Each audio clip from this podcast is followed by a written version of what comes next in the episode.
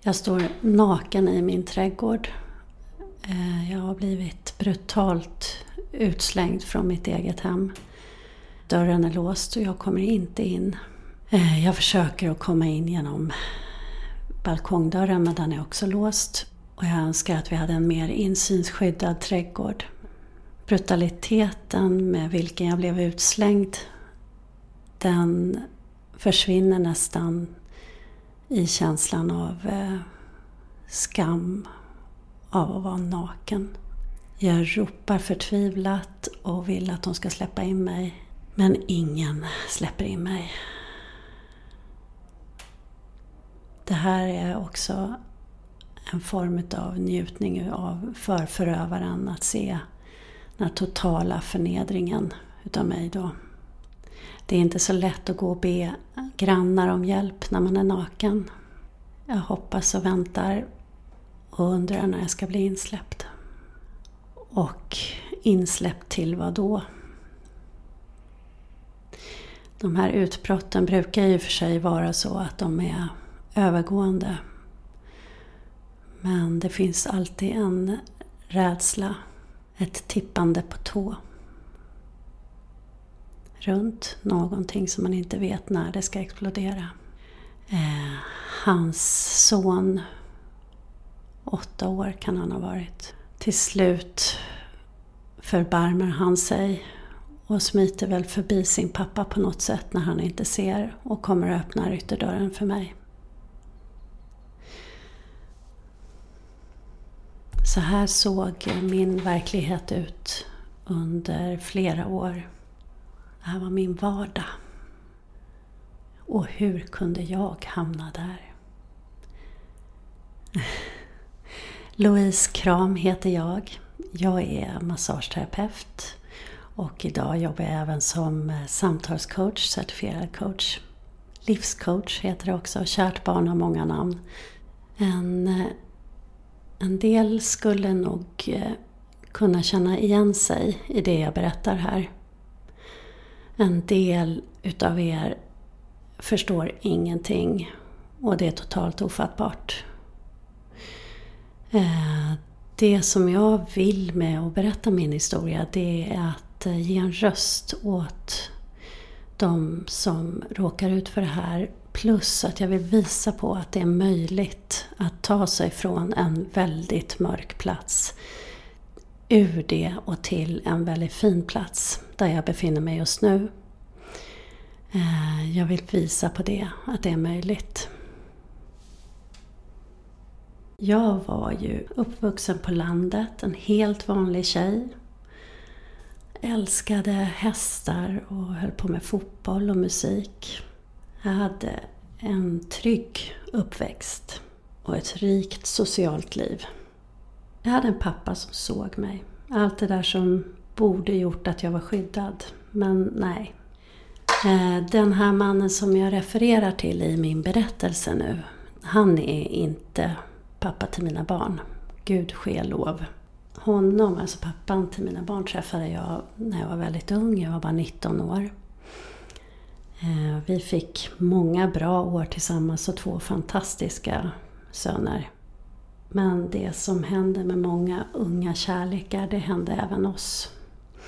Eh, vi växte isär och kärleken tog slut, helt enkelt.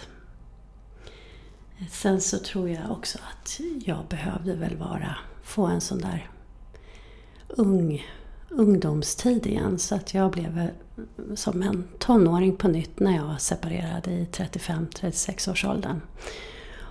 Och levde ut på alla sätt och vis och hittade tillbaka till mig själv och var sprudlande av energi. Och jag tror att många som har gjort den resan känner igen sig.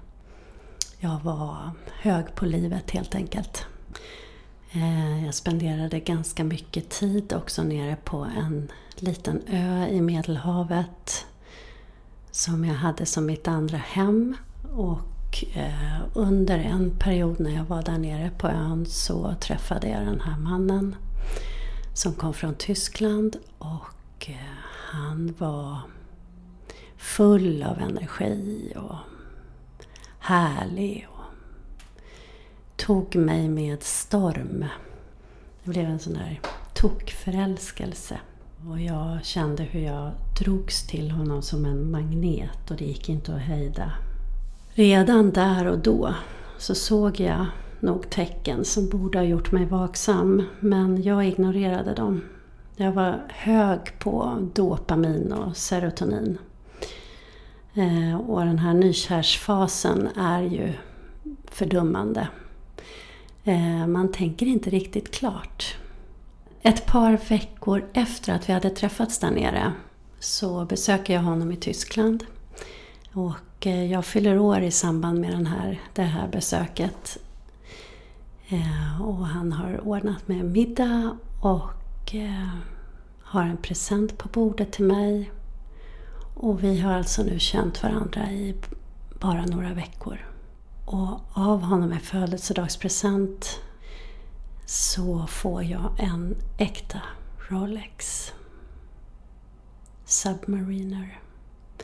Och han är så stolt och han har tårar i ögonen.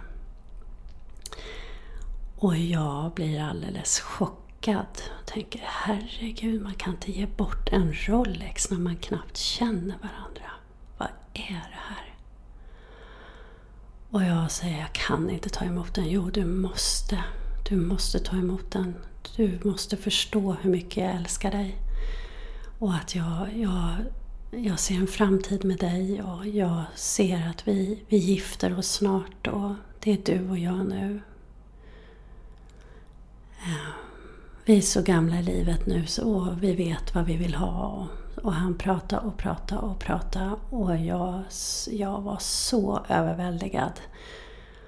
Och min enda tanke här nu var ju att ja, det här är på riktigt. Den här mannen menar verkligen allvar. Eh, plus att jag var så kär så att det, jag är helt bortkollrad av den här mannen. Allt går väldigt fort med den här mannen. Vi gifter oss redan efter knappt ett halvår. Eh, han säger att om han ska komma upp till Sverige så måste vi gifta oss. Annars kan inte han stanna kvar. Han eh, skyller på att det handlar om migrationen och att få uppehållstillstånd och sådana här saker mycket, mycket lättare om vi gifter oss. Och jag är så kär så att eh, jag säger ja. Självklart ska vi gifta oss. Det här är kärlek. Sen kommer första slaget. Eh, det knockar mig.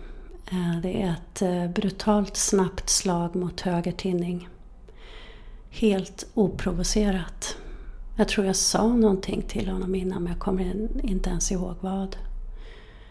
Han hade druckit. Och det räckte.